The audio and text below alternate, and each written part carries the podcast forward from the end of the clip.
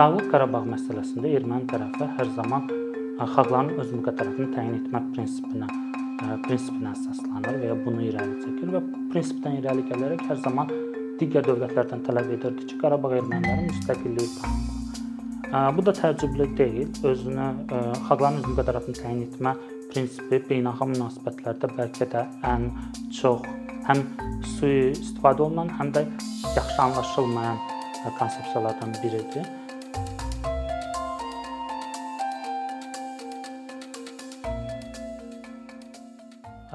Öz müqəddəratını təyin etmə hüququ avtomatik müstəqillik demək deyil. Bu anlaşılmazlıq ümumiyyətlə iki müxtəlif ideyanın bir çatır altında birləşdirilməsindən irəli gəlir. Bir ideya daxili öz müqəddəratını təyin etmə hüququdur, yəni muxtariyyət. Digəri xarici öz müqəddəratını təyin etmə hüququdur, yəni müstəqillik. Tarixən, yəni öz müqəddəratını təyin etmə hüququ biz bilirik ki, 1-ci dünya müharibəsindən sonra ABŞ prezidenti Woodrow Wilson tərəfindən irəli sürülüb və bu da məntiqli idi. Çünki 1-ci dünya müharibəsindən sonra ə, əsas məsələ o idi ki, bir müharibənin səbəblərini araşdırmaq, yəni müharibə nəyə görə baş verdi? Səbəbləri nə idi? Kökü nə idi? Və ən əsası belə bir müharibənin gələcəkdə baş verməsinin necə qarşısını almaq olar? Və liberalların ideyası o idi ki, Əslində müharibənin baş vermə səbəbi beynəlxalq münasibət o zaman mövcud olan beynəlxalq münasibətlər sisteminin təbiəti idi. Beynəlxalq münasibətlər sistemi əsasən imperiyalardan ibarət idi. Həmin imperiyalar əslində xalqların maraqlarını təmsil eləmirdi və müharibənin olmaması üçün, müharibənin qarşısını almaq üçün yeni belə bir böyük fəlakətin qarşısını almağın yeganə yolu beynəlxalq münasibətlər sisteminin dəyişdirilməsi idi. İslahat islah olunması idi, yəni dəyişdirilməsi idi və yeni sistemin əsasən milli dövlətlər üzərində qurulması idi. Yəni xalqın iradəsini təmsil edən hökumətlər olsa, müharibə olmaz. Çünki xalqlar müharibə istəmir. Yəni xalqların maraqları adətən bir-birinə uyğundur. Yəni ziddiyyətlər xalqlar arasında yoxdur. Deməli imperiyaları sadəcə dağıtmaq, bölmək lazımdır və sistemi milli dövlətlər üzərində qurmaq lazımdır. Belə bir ideyanın ümumiyyətlə ABŞ tərəfindən irəli sürülməsi də təəccüblü deyildi. Çünki başa düşmək lazımdır ki, ABŞ ilk uğurlu müstəmləkə sayılırdı ki, imperiyaya qarşı mübarizə aparmışdı və müstəqillik əldə etmişdi. Və digər müstəmləkələr tərəfindən də ABŞ məhz belə belə deyək, belə qarşılanırdı. Yəni belə bir mənəvi avtoriteti var idi.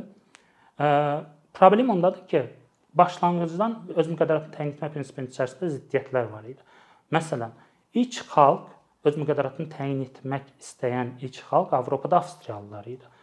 1918-ci ildə onlar Avstriya-Macarıstan imperiyası dağıldıqdan sonra Alman Avstriyası respublikasını yaratmışdılar və sonra Woodrow Wilsona müraciət etdilər ki, əslində Avstriya kimliyi deyilən bir şey yoxdur biz onsuz da Almanıq və Almaniya birləşmək istəyirik. Sırf bu öz müqəddəratını təyin etmə hüququndan istifadə edərək, yəni xalq olaraq, Avstriyalılar olaraq biz ayrılmaq istəmirik, müstəqil olmaq istəmirik, biz birləşmək istəyirik. Lakin əlbəttə ki, Avstriyalılara buna ə, ə, belə deyək, buna imkan verilməmişdi və ümumiyyətlə Alman Avstriyası sözünün işlədilməsi qadağan edilmişdi. Ə, yəni başlanğıcdan biz görürük ki, öz müqəddəratını təyin etmə hüququ çox ziddiyyətli idi.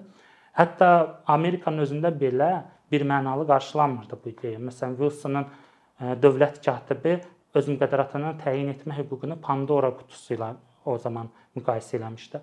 Hər bir halda 2-ci Dünya müharibəsində bu e, öz müqəddəratını təyin etmə hüququ 2-ci Dünya müharibəsindən sonra da ə, e, belə deyək, təkamül etməyə davam eləyir. Beynəlxalq münasibətlərdə öz yerini almağa davam edir və ə, həm Birləşmiş Millətlər Təşkilatının xartiyasında həm də digər sonrakı sənədlərdə də öz müqəddəratını təyin etmə prinsipi də vurğulanır, lakin eyni zamanda e, dövlətlərin ərazi bütövlüyünün toxunulmazlığı prinsipi də vurğulanır. Bundan əlavə 1960-cı ildə Birləşmiş Millətlər Təşkilatının Baş Assambleyasının e, qətnaməsi var. Koloniyaların, e, kolonial dövlət və millətlərin, xalqların müstəqilliyi bəyannaməsi haqqında qətnaməsi var 1514. Orada da xalqların öz müqəddəratını təyin etmə, yəni müstəqillik hüququ vurğulanır. Eyni zamanda qeyd olunur ki, milli vəhdətin və ərazi bütövlüyünün pozulması BMT-nin xartiyasının BMT xartiyasının məqsəd və belə deyək, prinsiplərinə ziddir. Yəni eyni zamanda həm bu qətnamədə xalqların öz müqəddəratının təyin olunması prinsipi vurğulanır, amma eyni zamanda digər tərəfdən ərazi bütövlüyü məsələsi də qeyd olunur. Və burada ziddiyyət yox idi əslində. Həmin Helsinki haqqında da eyni şeydir. E, e, bənzər məsələdir. Həm xalqların öz müqəddəratını təyin etmə prinsipi var, həm də ərazi bütövlüyü məsələsi vurğulanır. Niyə burada heç bir e, belə deyək ziddiyyət görülmürdü o zaman? Çünki o zaman özünün müqəddəratını təyin etmə prinsipi deyəndə ancaq bunu kolonial paradigmada başa düşürdülər. Yəni keçmiş imperiyaların koloniyalarının müstəqilliyindən söhbət gedirdi. Keçmiş imperiyaların koloniyalarının müstəqillik alması da nə metropoliyanın özünün ərazi vahidliyinə, bütövlüyünə ziddir, nə qonşu ölkələrin bütövlüyünə ziddir, hətta nə də digər koloniyaların belə deyək, ərazi bütövlüyünə, sərhədlərin toxunulmazlığına zidd deyildi. Digər tərəfdən daxili xalqların daxili öz müqəddəratını təyin etmə hüququ var. Bu da muxtariyyətdir. Yəni hər bir xalq öz hüquqlarını, mədəni, siyasi və digər hüquqlarını ərazi bütövlüyü, yəni sərhədlərin toxun ə, sərhədlərin dəyişdirilməməsi bir tərəfli şəkildə və ya zorakı yolla dəyişdirilməməsi şərti ilə bütün hüquqlarını həyata keçirmək, reallaşdırmaq hüququ var. Və bu da necə nail olunur? Buna muxtariyyətlə nail olunur. Yəni muxtar həmin xalqlara muxtariyyətin verilməsi ilə nail olunur. 1998-ci ildə Kvebeklə bağlı Kanadanın Ali Məhkəməsinin qərarı var. Həmin qərarda vurğulanır ki, həmin qərar təsdiq edir ki, e, bir tərəfli ayrılma e, beynəlxalq hüquqda bir tərəfli ayrılma deyilən şey yoxdur. Amma eyni zamanda orada bir istisna verilir. O da e, ekstrem hallarda alien subjugation, yəni hərbi işğal, xarici hərbi işğal var, faktı varsa, yalnız o halda öz müqəddəratını təyin etmə hüququ bir tərəfli ayrılma və müstəqillik kimi qəbul edilə bilər. Bu məsələnin bir tərəfi. Yəni e, ümumiləşdirərək deyə bilərik ki, xalqların öz müqəddəratını təyin etmə hüququ hər zaman e, yəni müstəqillik kimi tanınması üçün iki şərt vacib idi. Bir kolonial çərçivədə, yəni həmin xalq və ya həmin dövlət müstəmləkədirsə, iki əgər xarici hərbi işğal faktoru varsa. Burada bir istisna var. Bu da Kosovo məsələsidir.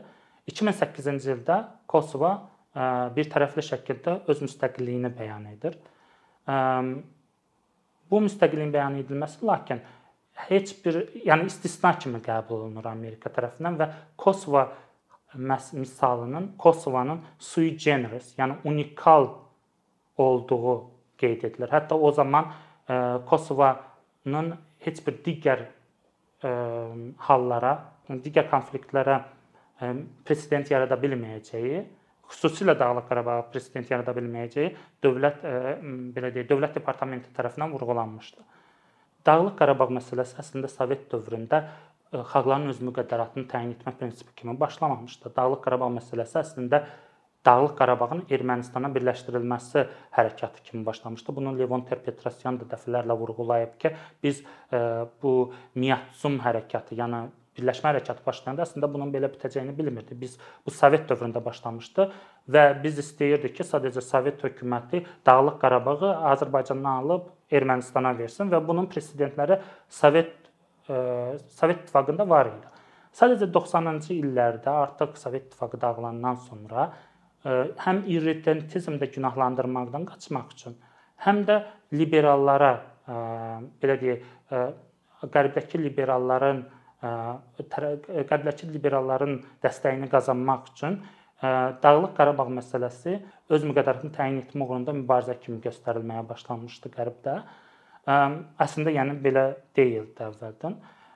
Başlanğıcdan etibarən burada əsas problem ondan ibarət idi ki, yəni dediyim kimi bunu öz müqəddəratını təyin etmə məsələsini Ermənistan, həm Dağlıq Qarabağ erməniləri müstəqillik kimi başa düşürdülər, amma Qərbdə bu qəbul oluna bilməzdi. Çünki burada bir hərbi işğal faktoru yox idi. İki e, kolonial e, paradigmaya uyğun deyildi. Yəni e, Dağlıq Qarabağ müstəmləkə deyildi Azərbaycan imperiyası daxilində. Yəni öz müqəddəratına təyin etmə prinsipinə əsaslanaraq Dağlıq Qarabağ müstəqilliyinin tanınması heç vaxt mümkün deyildi.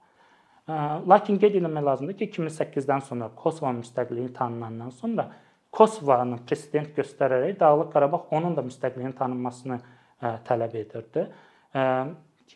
Amerika, yəni ABŞ nə qədər desə də ki, məsələn Kosovo sui generis-də unikal bir haldır və digər hallara şamil olunmur. Biz bu halın 2008-ci ildə Abxaziya Osetiya, 2014-cü ildə Krım misalında, 2014-2015-də Krım misalında biz bunun Kosovonun prezident kimi istifadə olunmasını gördük. Hətta Vladimir Putin demişdi ki, ə, ə, yəni o zaman qeyd eləmişdi ki, Kosovo Krım üçün ideal prezidentdir. 2014-cü ildə Ermənistan tərəfi Ermənistan BMT-də Ukraynanın ərazi bütövlüyünün dəstəkləməsinə qarşı qətnamə dəstəkləyən qətnaməyə qarşı səs vermişdi və bunu onunla əsaslandırmışdı ki, həm Krım, həm Kosovo həm kolonializmə qarşı mübarizə, həm öz müqəddəratını təyin etmə uğrunda mübarizənin ideal örnəkləridir, ideal örnəkləridir. Və bunun üçün biz bu Ukraynanın ərazi bütövlüyünü dəstəkləyən qətnaməyə səs verə bilmərik. Bir başqa bir məsələni qeyd etmək istəyirəm Kosovo çərçivəsində. 2008-ci ildə Kosovo öz müstəqilliyini elan etdi bir tərəfli şəkildə və avtomatik və sonra onun müstə Kosovanın müstəqilliyi ABŞ və Avropa ölkələri ilə tərəfindən tanındı. Serbiya buna etiraz olaraq Beynəlxalq Ədalət Məhkəməsinə müraciət etdi. Problem ondadır ki, Serbiya Beynəlxalq Ədalət Məhkəməsinə müraciət edərkən bir ciddi səhvə yol verdi. O ə, rəyi bildirmək istədiyi sualı düzgün qoymamışdı. Yəni sual olmalı idi ki, ə, deyək Kosovanın Serbiyadan ayrılması legitimdirmi? Bunun əvəzinə Serbiya sual ver, sualı belə qoymuşdu. Serbiya Kosovanın ə, bir tərəfli şəkildə müstəqillik bəyan etməsi beynəlxalq hüquqa uyğundurmu? Yəni legitimdirmi? Əgər sual Serbiyanın Kosovon Serbiyadan ayrılması legitimdirmi kimi şəklində olsaydı, bu beynəlxalq ədalət məhkəməsini çox pis vəziyyətdə qoyacaqdı. Çünki ya beynəlxalq Beynəlxalq Ədalət Məhkəməsi qəbul etməli idi ki, Kosovonun bir tərəfli şəkildə ayrılması legitimdir. Bu da bütün digər separatçı və ayrılmaq istəyən hərəkatlar üçün president yaradacaq idi. Ya da qəbul eləməli idi ki, bu legitim deyil. Onda deməli Avropa ölkələri və ABŞ beynəlxalq hüquqa zidd hərəkət edə bilər. Amma Serbiyanın sualı Kosovonun bir tərəfli öz müstəqilliyini elan etməsi legitimdirmi kimi qoyması Beynəlxalq Ədalət Məhkəməsinə imkan verdi ki, məsələni çox dar şərh etsin. Beynəlxalq Ədalət Məhkəməsi qərarında dedi ki, bəli, Kosovonun bir tərəfli şəkildə öz müstəqilliyini elan etməsi beynəlxalq hüquqa zidd deyil. Niyə? Çünki sənin öz müstəqilliyini sən istədiyini bəyan edə bilərsən. Bu heç bir hüquqi öhdəlik və hüquqi nəticə yaratmır və yəni öz müstəqilliyini elan etməyi, yəni bir tərəfli şəkildə əslində ifadə azadlığı kimi göstərdi. Yəni ifadə azadlığı kimi şərh etdi. Ona görə də məsələn 2017-ci ildə Kataloniyada da referendum keçirildi və xalq müstəqillik üçün səs verdi. Sadəcə o referendumun heç bir dəyəri yoxdur. Çünki bu yəni e, rəy e, bir opinion poll rəy sorğusu kimi görünür və bunun e, heç bir referendumun nə qədər demokratik olmasından asılı olmayaraq müstəqillik barədə heç bir hüquqi nəticə yaratmadığı, yəni heç bir müstəqillik üçün əsas ola bilməyəcəyi e, beynəlxalq münasibətlərdə belə deyək qəbul olunmuş bir şeydir. Ona görə məsələn Kataloniyanın da referenduma səs vermə, referendumda müstəqilliyə səs verməsi e, heç bir e, belə nəticəyə heç bir şəkildə təsir eləmədi.